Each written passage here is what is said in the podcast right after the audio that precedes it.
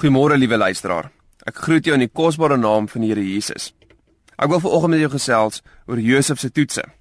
Die psalmdigter gee vir ons in Psalm 105 insig in wat die Here gedink het van Josef en deur Josef se lewe.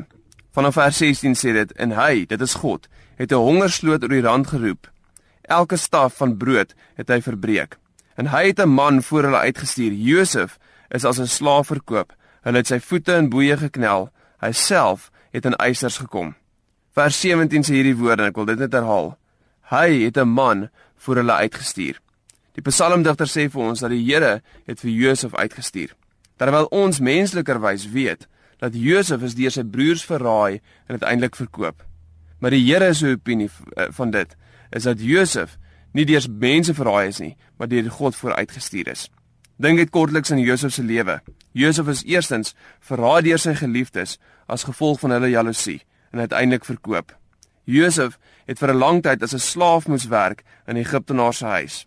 Daarna was Josef vals beskuldig en het in die tronk geëindig. Uiteindelik na 'n aantal jare in die tronk het 'n skinker sy beloftes aan Josef nie nagekom nie. En uiteindelik deur die voorsiening van die Here het Josef geland voor die troon van Farao en daar is hy aangestel as die tweede in bevel van Egipte. Ek weet nie of jy met Josef se lewe kan identifiseer nie.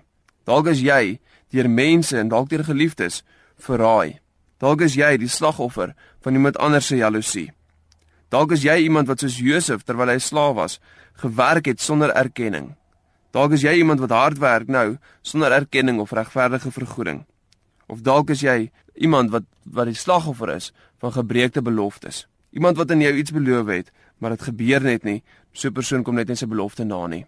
Jy het baie redes om bitter te wees. Maar as Josef bitter was en 'n gesindheid van onvergifnis gehad het, dan het hy waarskynlik God se plan vir sy lewe gemis.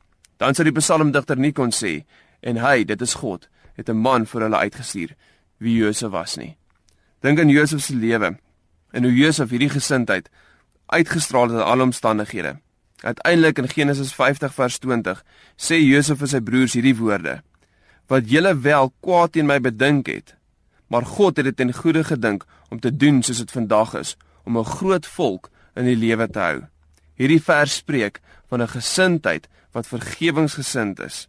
Hierdie vers spreek van iemand wat te deur sy omstandighede kan kyk en God se voorsiening en God se bestuuring kan raak sien in enige omstandighede.